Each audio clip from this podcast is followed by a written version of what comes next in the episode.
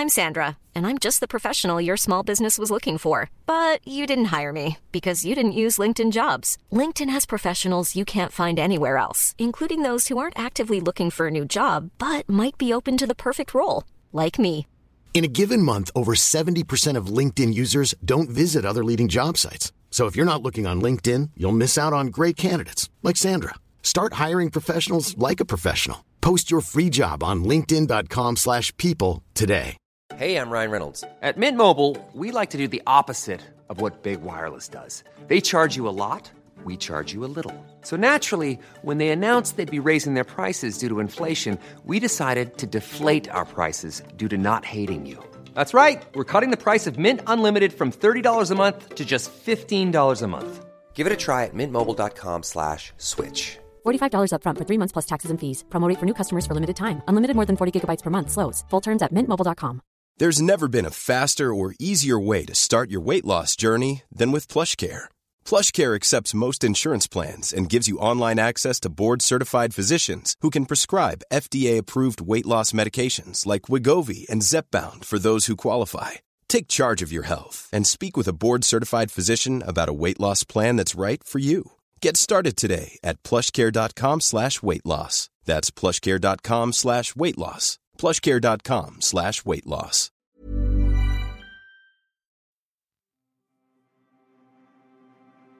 Erik Vanhatal och hans fru Sasha levde ett mer och mer isolerat liv där deras umgänge begränsades allt mer till bara varandra och till enstaka grannar. Men år 2017 gifte de sig och köpte ett stort hus i Bromma, vilket Erik ansåg som en nystart.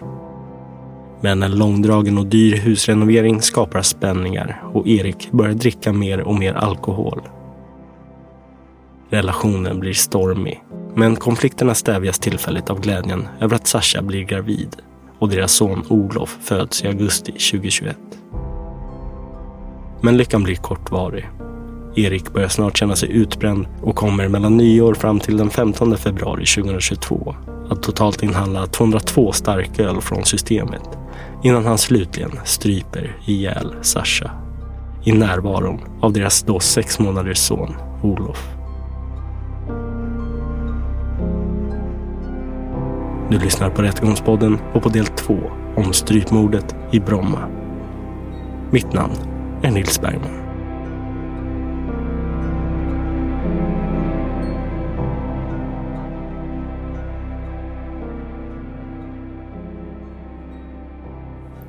Jag jobbar inom Södertörns brandförsvarsförbund och har gjort det i över 20 år. Vi hör Mikael som var Eriks chef på Södertörns brandförsvarsstation. Och vad är din uppfattning om Erik? Hur var han på jobbet? Eh, Skötsam, ordningsam, löste alltid sina arbetsuppgifter. Ja, och eh, han hade jobbat, under, jobbat inom alla positioner. Mm. Körde bilar och eh, rökdykarledare och rökdykare. Var ansvarig för sjukvården på Nacka och även i Södertörn. Ansvarig även för eh, kamratföreningens, eh, eller ordförande i kamratföreningen på stationen Nacka. Vid slutet av år 2021, när Eriks och Sashas son bara är några månader gammal, ber Erik Mikael om ett samtal. Och eh, berättade lite om att han kände sig... Eh, att han varit lättirriterad. Eh, utarbetad. Och eh, när vi pratade lite om eh, om det fungerar bra hemma. Jag hade fått en, en, en, en son. Och eh, det fungerar bra hemma. Och eh, jag rekommenderade att, eh, att han skulle ta samtalsterapi. Erik beskriver att han känner sig överarbetad och möjligtvis utbränd. Mikael kopplar samman Erik med en samtalsterapeut och tar även kontakt med HR-avdelningen. Efter diskussioner beslutar de tillsammans med Erik att han ska sjukskriva sig. Under de kommande månaderna håller Mikael sig uppdaterad om Eriks hälsa genom telefonsamtal med honom. Mikael minns särskilt ett samtal i januari. Ja, det, det var väl någon gång också innan som... Eh, ehm, om det var, jag, jag kan, minns inte när, men eh, om det var ett par veckor eller flera veckor innan så pratade jag ju, ja, uppföljningssamtal och eh, där Erik berättade att han saknar gruppen. Och eh, kände sig emotionell. Och, och då sa men det är bara att komma förbi och ta en fika. Du vet när vi jobbar. Och sen eh, frågade jag också eh, om det funger- fun- fungerar bra hemma. Och, eh, och det gjorde det. Och det här med emotionell då, kan du beskriva det? Vad menar du med det? Det, det vet jag inte. Ehm, det var någonting som jag tänkte på efteråt. Så om det, Var det vanligt för Erik eller var det ovanligt? Eller varför tänkte du på det? ovanligt. Mikael känner inte igen den Erik som han talar med. Erik är känslomässig, upprepar samma sak gång på gång, trots att Mikael besvarar honom. Och han verkar låg. Du sa att han var lite låg, kan du beskriva? Eh, lugn. Eh, inte stressad på något sätt, men eh, lugn. Och kanske lite för lugn. Okej. Det är svårt, eh, minns inte riktigt, men... eh, Men eh, tänker tillbaka så var det just det här med upprepande. Att, eh, ja, men vi har ju pratat om det här, så att... Eriks försvarare tar över utfrågningen av Mikael för att höra hur han upplevt Eriks temperament. Du har ju känt honom under 16 år, vad jag förstår i alla fall. Ungefär. Ja. Och eh, har, har Erik, så vitt du vet, någon gång uppvisat några aggressiva tendenser? Jag har aldrig sett det. Nej. Och då har jag förstått att ni ändå ibland har varit ute och druckit alkohol och sådana saker tillsammans, eller? Det stämmer. Ja. Men du har aldrig sett något liknande då? Hur, hur blev han istället när han blev eh, onykter då, tyckte du? Ja, det...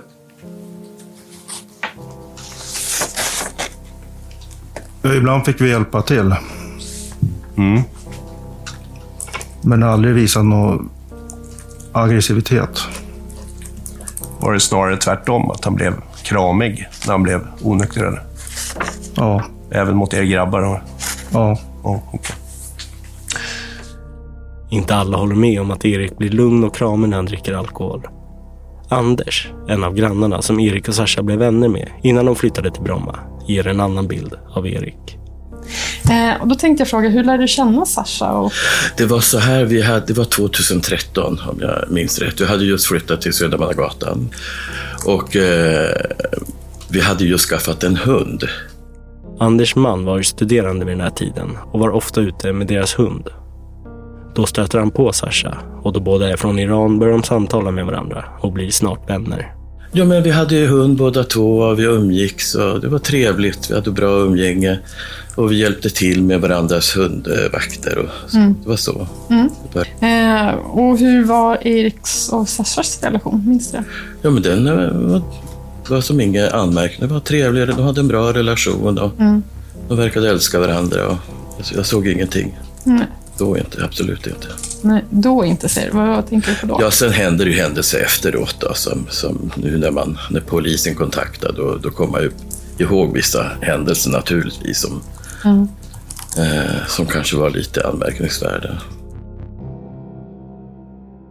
Efter en tid märker Anders och hans make vissa oroväckande beteenden hos Erik som riktas mot Sasha. Anders minns särskilt en incident som skedde under en Finlandskryssning. Vi var nog ett gäng på en 10-15 stycken. Många av dem var iranier. Och Sasha och Erik var också med. Och vi sov över. Och sen på morgonen därpå när vi skulle äta frukost så kom Sasha lite senare än vi andra som var vid frukosten. Och hade en scarf på sig och eh, visade att hon hade blåmärken kring halsen och att Erik hade försökt strypa henne. Och på vilket sätt framkom det då? Hon berättade allting Okej, till allihopa. till allihopa. Ja. Och vilka var det då? Ja, det var ju de, det här gänget på 10-15 personer. Det var mest iranska vänner då Mm. som, som var med. Okej, och vad är det hon berättar som har hänt? Hon berättade att Erik hade försökt eh, strypa henne Mm. och att hon hade fått blåmärken.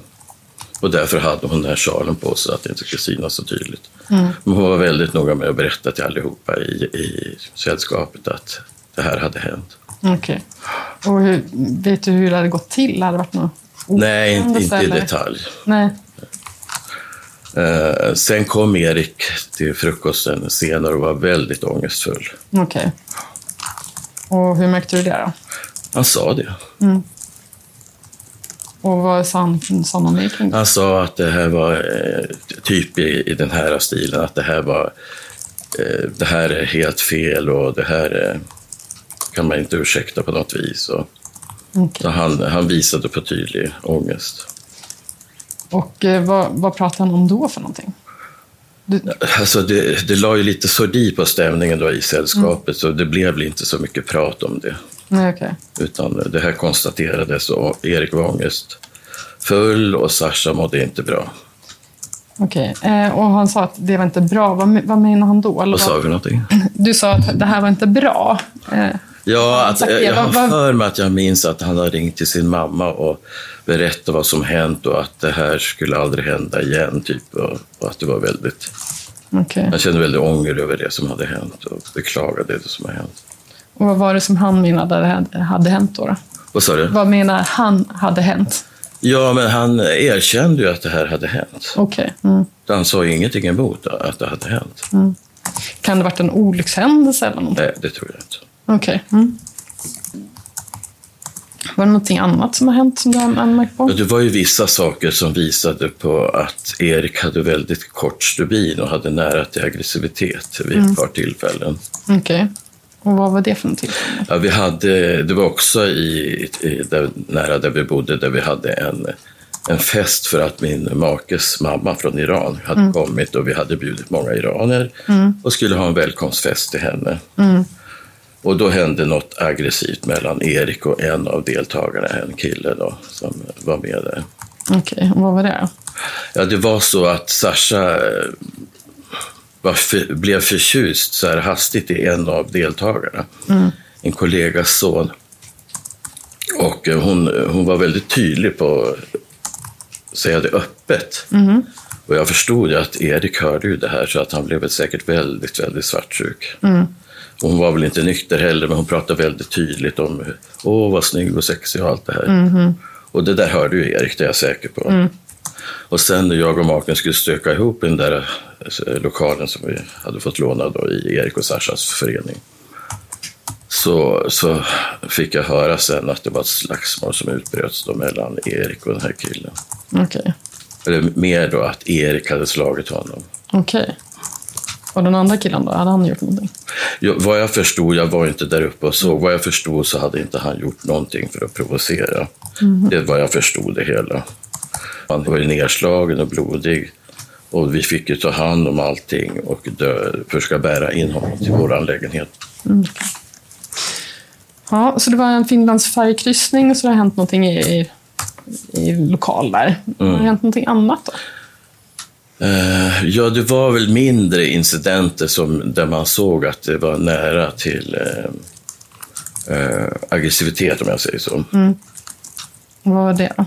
Jag minns vi var, det var en julafton vi var på Kvarnen.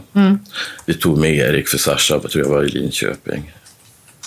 Uh, tog vi med Erik på jul, uh, jultallrik på Kvarnen och sen hade de ett diskotek där nere, så vi gick ner och, och dansade några steg. Och så började han närma sig en tjej som var där i närheten. Och, uh, då, då, då visade det sig att hans, hennes pojkvän var alldeles i närheten. Och då såg jag och Moder att då var det nära till bråk. Så vi, vi drog upp honom på Kärrhusgatan och gick hem. Okej. Så det blev aldrig något bråk. Okej. Men man såg att det var nära på att Från vems håll då? då? Erik. Okej. Och hur märkte ni det? Man ser på ansiktsuttrycket och att det var, att det var ansats till ett bråk.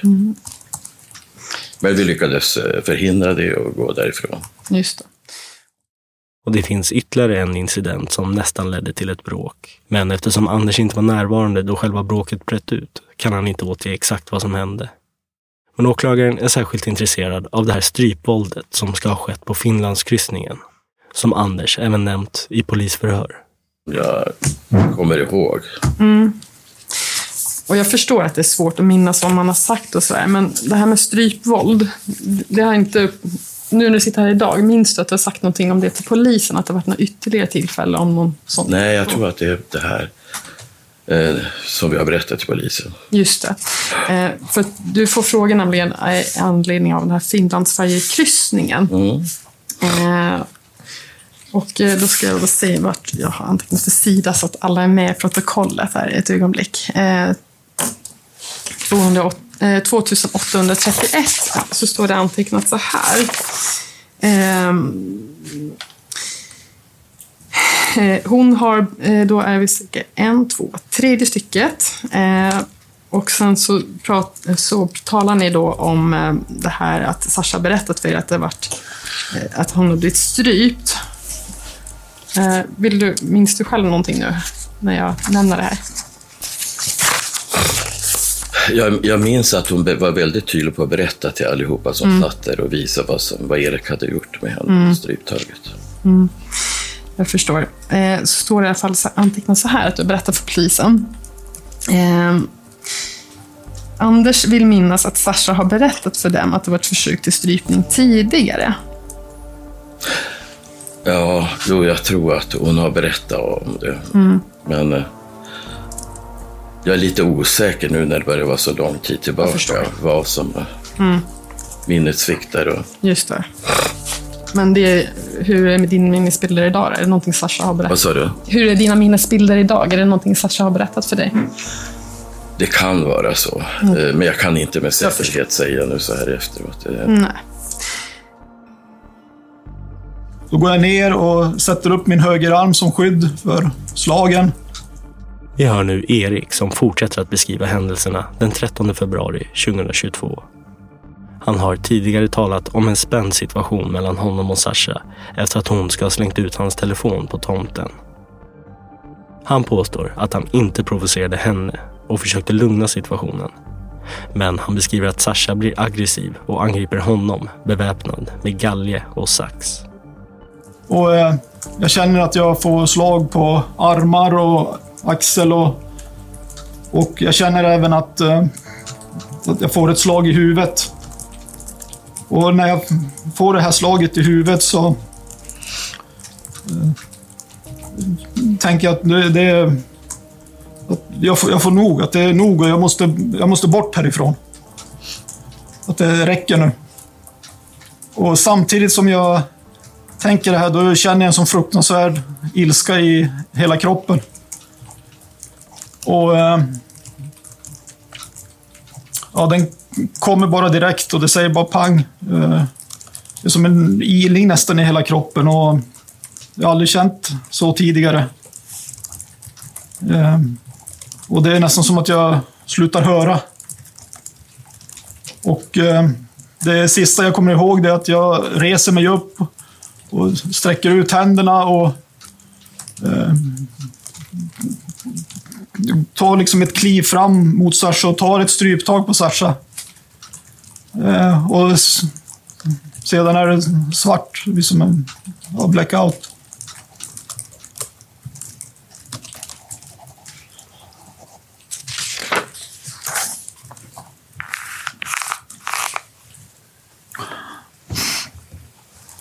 Eh, Jag... eh,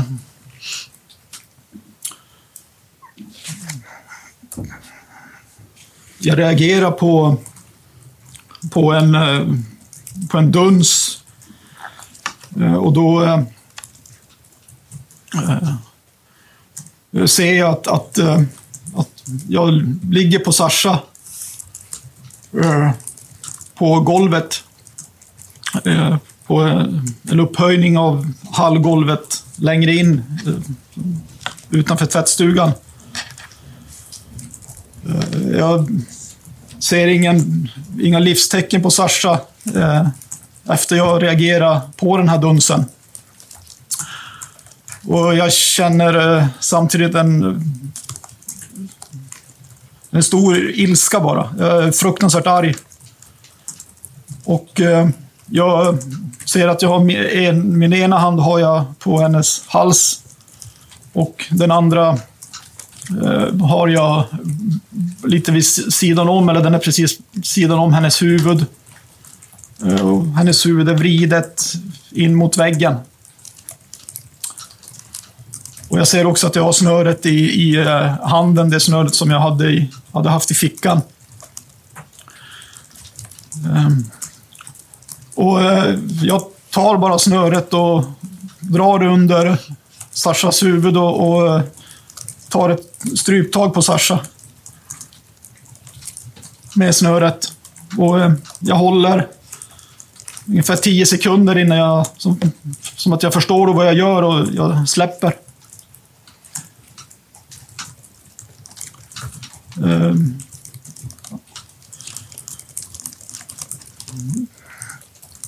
det här stryptaget tar jag ju ja, så fort jag reagerar på den här dunsen. Det sker liksom snabbt och i en rörelse. Och eh, jag tittar inte ner när jag tar stryptaget på Sasha, utan jag tittar lite uppåt. Och eh, vet att jag sitter bredvid eh, Sasha som glider ner från Sasha. Jag sitter bredvid.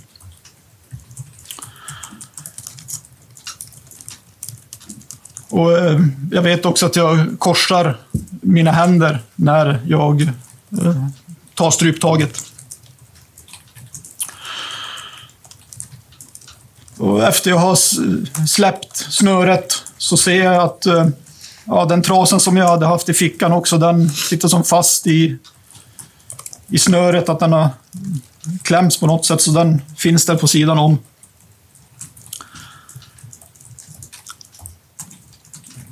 Och jag tittar på hennes bröstkorg. Eh, men jag ser inte att den, eh, att den eh, höjer sig eller sänks. Jag ska sätta ner, jag sätter ner örat mot hennes huvud. Och det är på sned, men jag sätter det så att det ska komma och lyssna. Och, ja, om hon andas. Och då hör jag och då eh, är det som att inget annat eh, existerar. Jag tänker inte på någonting annat. Det enda jag tänker på det är att jag eh, att jag ska ta och, och gå ut med honom så han kommer bort härifrån. Eh, och eh, jag reser mig bara upp och eh, går in och hämtar och tar honom och går upp. Och eh, ja, sen gör vi oss, jag klär på honom så fort jag, och sen går vi ut så fort vi kan.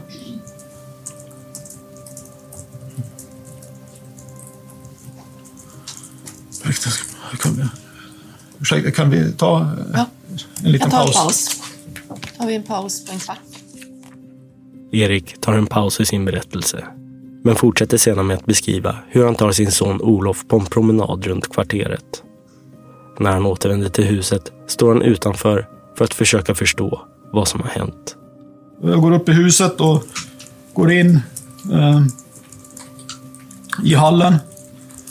Och eh, då ser jag ju Sasha eh, ligga rakt fram eh, på samma ställe som hon eh, låg när jag lämnade henne. Jag eh, får en panikkänsla och eh, samtidigt så jag känner ilska igen. Jag är väldigt arg och eh, då är det enda jag tänker att att, eh, att jag, måste, jag måste få det att se ut som att ingenting har hänt. Att det ska vara som vanligt. Och att inte jag... Eh, att inte, det ska inte se ut som att jag har gjort något. Och jag eh, ser hennes telefon. Eh, ligger där och Eh, jag tar den och eh, går ut eh, i huset. Och, eh, ja, jag kommer ihåg att jag fruktansvärt arg och tar telefonen och bara gå, går. Och vi eh, går eh, ja, mot tunnelbanan. Redan här beslutar han sig för att följa den rutt som Sasha vanligtvis tar till jobbet. Och syftet är, enligt Erik, att få det att se ut som att det är Sasha som lämnat lägenheten. Som vanligt och vid liv. Så han tar med sig Olof och beger sig mot Fridhemsplans tunnelbanestation. Sen går han upp till bussarna och slänger Sashas telefon i papperskorgen tillsammans med sina handskar och en hundbajspåse. Han går sedan ner i tunnelbanan igen och åker tillbaka mot Bromma och tillbaka in i huset. Gick in och jag, jag kan inte redogöra för allt som, som jag gör här och jag har ingen tidsuppfattning. Eh, men eh, jag kommer ihåg att, att jag är uppe med eh, och sedan får jag en panikkänsla igen. Eh, som övergår till ilska. Och eh, Det är då jag går upp och hämtar mattan och tänker att jag, jag måste dölja henne och dölja och gömma henne. Så eh, jag går upp och hämtar mattan och går ner eh, längst ner så att säga till hallen och ser att Sasha ligger där. Och eh, då är det som allting stannar upp. Eh, och jag lägger ner mattan. Och sen går jag upp igen.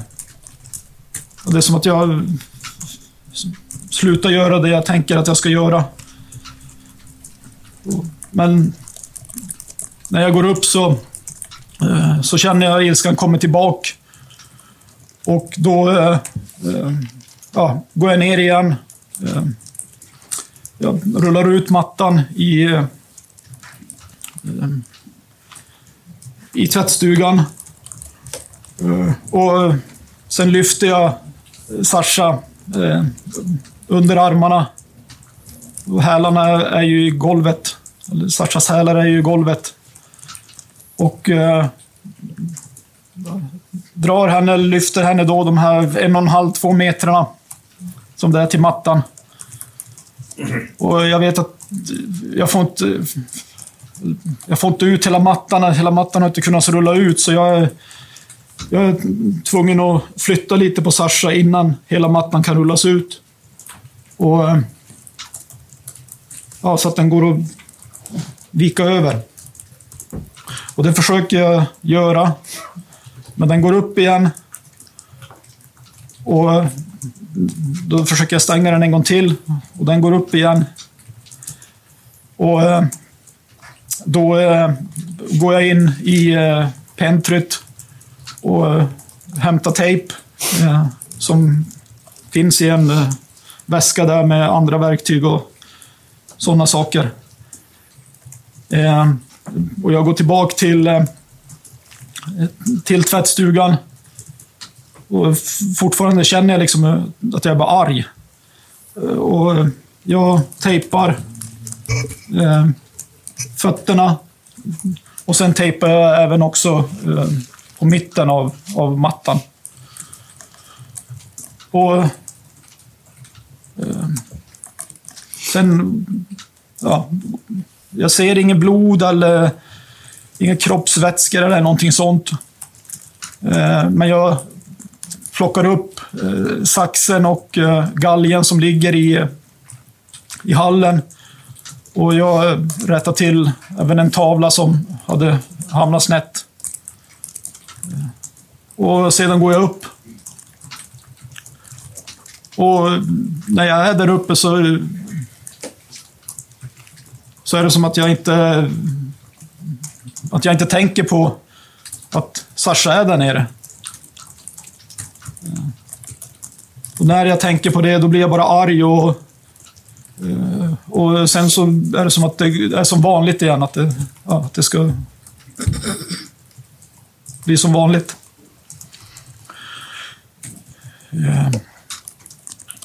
Jag eh, går ner till garaget.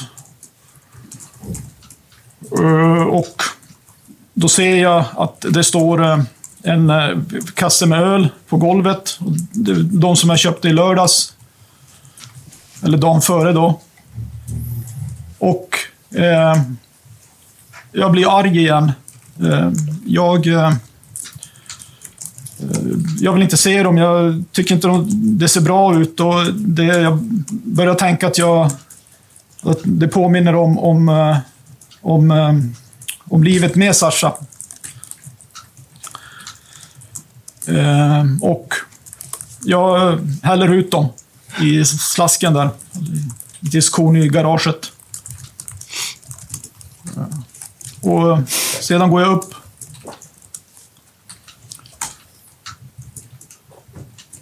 Sen vet jag inte vad klockan är. Men jag får känslan igen att jag blir fruktansvärt arg och jag börjar tänka att jag, eh, att jag måste bara... Jag måste, Sasha kan inte ligga kvar i huset i mattan. Jag, eh, jag måste ta bort mattan från huset. Och nu. Och... Eh, och då gör jag det. det jag tänker inte på eh, någonting annat egentligen, utan det är bara att jag ska ut med mattan och lägga den i bilen.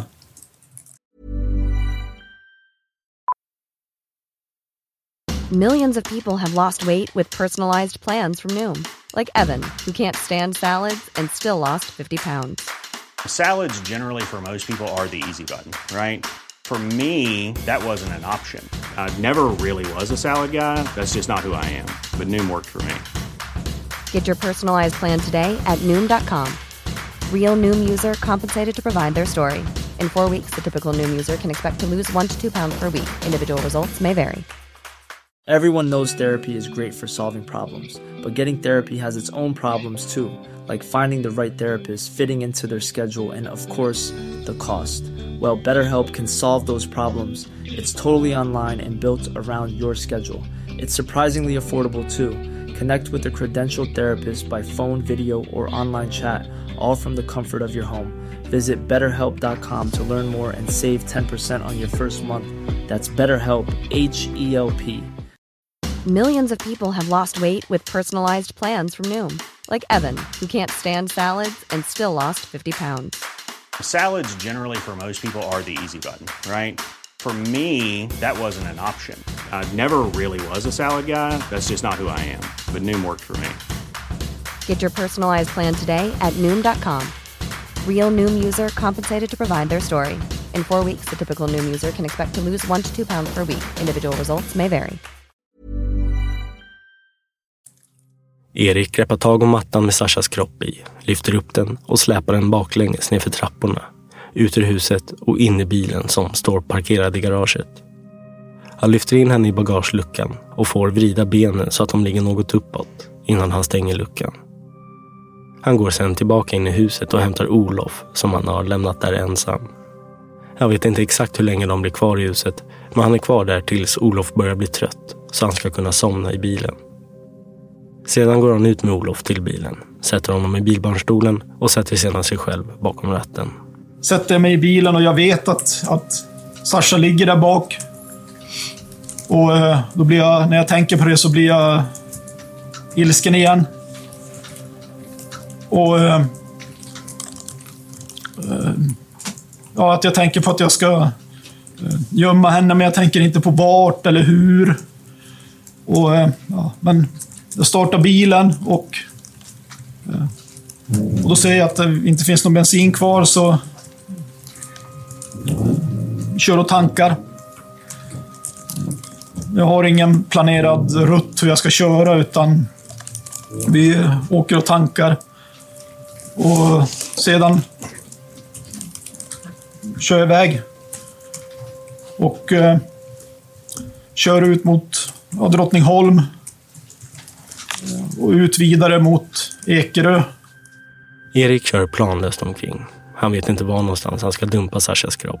Men då Olof plötsligt vaknar måste han göra ett stopp längs vägen och ge honom nappflaskan så han somnar om igen. Han minns inte exakt hur han kör och minns inte vad vägarna heter. Men slutligen börjar han köra över Tranebergsbron och svänger sedan av mot Nacka och sedan Finnboda. Och sen så åker jag ner till eh, Kvarnholmen. Och eh, där stannar jag bilen. Och eh, ja, jag tänker på vad jag ska göra. Och eh, sen är det som igen att jag, jag paniken övergår till eh, ilska. Och eh, ilskan gör att jag, att jag bara går ut och öppnar bagageluckan och eh, lyfter ut mattan. Jag tänker inte på någonting annat. Utan det är bara att jag ska lyfta ut mattan. Och jag lyfter ut mattan. Och jag står väl kanske tre, tre fyra meter kanske från kajkanten. Jag vet inte exakt. Eh, och eh, ja, jag lyfter ur mattan och lyfter upp mattan och fötterna släpar i backen. Och jag bär henne till kajkanten och lägger ner mattan och, och sen rullar jag i henne. Eller knuffar i mattan i, i, eh, i, i, ja, i vattnet. Jag, jag ser ju hur mattan eh, åker ner, för det är ju betydligt högre än vad jag eh, tänkte att det var. Eh, innan mattan eh, ja, slår i vattnet så, så ser jag, i och med att det är så högt, så, så ser jag också en del av eh, Sashas kropp. Som eh, eh glider ut från mattan. Inte, jag vet inte hur mycket det är, men jag vet att jag ser ryggen. Och... Eh, eh, och jag ser också att det är det som slår... Att hennes ansikte slår i vattnet eh, först. Och sen liksom kommer mattan och det sedan. Eh, jag står kvar. Eh, jag vet inte hur länge jag står där, men jag ser ju att mattan och det sjunker och samtidigt så ser jag också att eh, jag reagerar på att det kommer en båt förbi. En sån här ja, pendlingsbåt. Och... Eh, ja, när... Sen går jag bort och jag minns att jag ser också en, en, en kvinna och en hund. Eh, sen går jag bort mot eh, bilen och stänger garage, garage stänger bagage. Eh, luckan och går bara in i bilen och, och eh, kör hemåt mot Bram, Bromma. Och till huset. När han nu kommer hem till huset har det börjat bli kväll och han bestämmer sig för att ringa till Sashas pappa för att spela orolig och fråga om han vet vad Sasha är. De bestämmer sedan att svärfaren ska komma upp till Stockholm och hjälpa honom att leta. Och på kvällen ringer han även till Sashas arbetsplats och frågar om de vet något. Och det är klockan 07.46 dagen efter, måndagen den 14 februari, som han ringer in till polisen. Polisen? Ja, hejsan, mitt namn är Erik. Hej. Eh, jo, jag ringer angående att min fru inte har kommit hem efter jobbet igår. Och hur är, er, eh, är det ert äktenskap då? Eh, jo, det är, det är bra. Alltså, Ni det, har inte bråkat i närtiden och sånt där?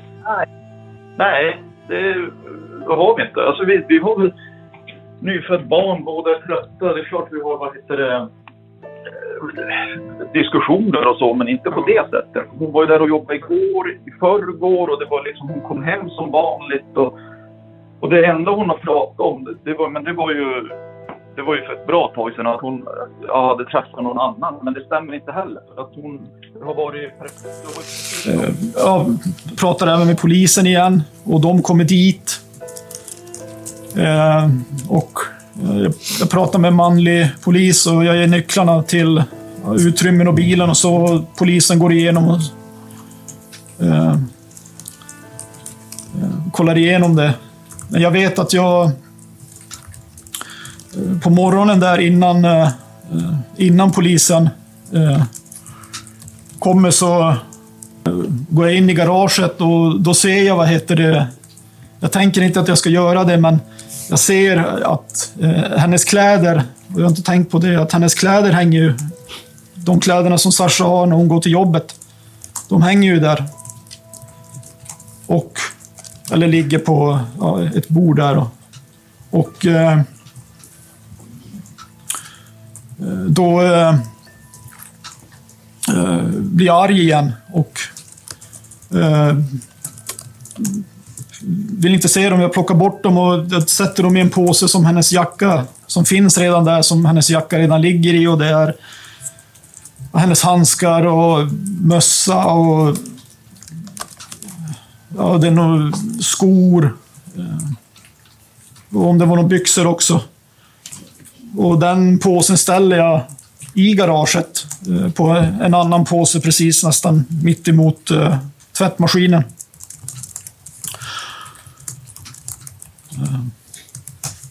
Ja, och sen går jag upp igen. Polisen är eh, i huset ett tag och går runt och letar och sen åker de. När polisen lämnat bostaden åker Erik och hämtar Sashas pappa vid T-centralen. Han tar med sig Olof och passar då även på att ta med sig påsen med Sashas kläder och tillhörigheter som han behöver göra sig av med. Han slänger den vid en närliggande återvinningsstation innan han åker vidare och hämtar Sashas pappa och de återvänder sen till Eriks hus. Ja, när vi kommer tillbaka till huset eh, så pratar vi mycket om som har hänt och vad hon kan vara och jag säger att jag inte vet vart hon är. Och det, jag tror att vi pratar om vad vi ska göra och jag ringer till eh, hennes... Eh, jag ringer till Södersjukhuset eh, för att höra om det, men ingen ja, kan ju svara. Eh, och eh, ja, jag ringer Missing People. Berättar att Sasha är försvunnen och ja, eh, jag kommer inte ihåg allt vi gör. De tar bara någon app som eh, vi söker hennes mobil på. Eh, och jag vet att jag pratar med polisen om det. Ja, sen går jag lägger där, men sen ringer ju polisen på natten där någon gång. Jag kommer inte ihåg. Eller var det tidig morgon, men jag kommer inte ihåg vad klockan var. Och de kommer och hämtar oss och vi, ja, vi förhörs. Och jag säger ju till polisen att jag inte vet vad som har hänt och jag vet inte vad som är. Eh, och eh, ja, de tar till min telefon i beslag och skjutsar hem mig. Och, och jag, jag var i en annan bil då på morgonen.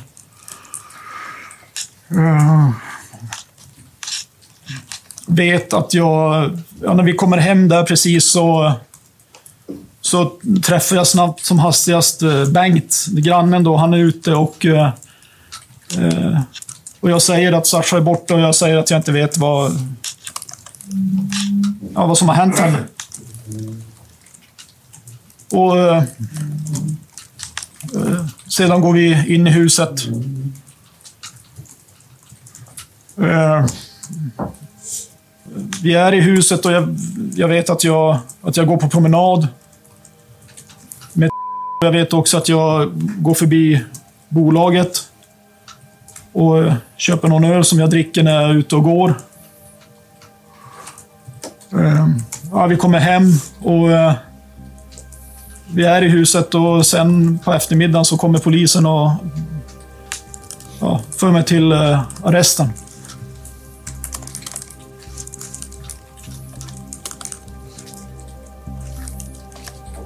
Jag är ledsen, skäms och skuld för att det som hände kunde få hända. Jag har aldrig velat att, att Sasha skulle dö.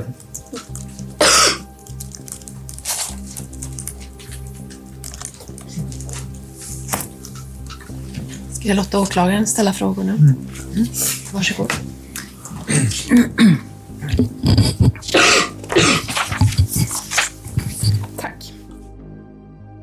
Du har lyssnat på Rättegångspodden och på del två av tre om strypmordet i Bromma. Mitt namn är Nils Bergman. Tack för att ni lyssnar.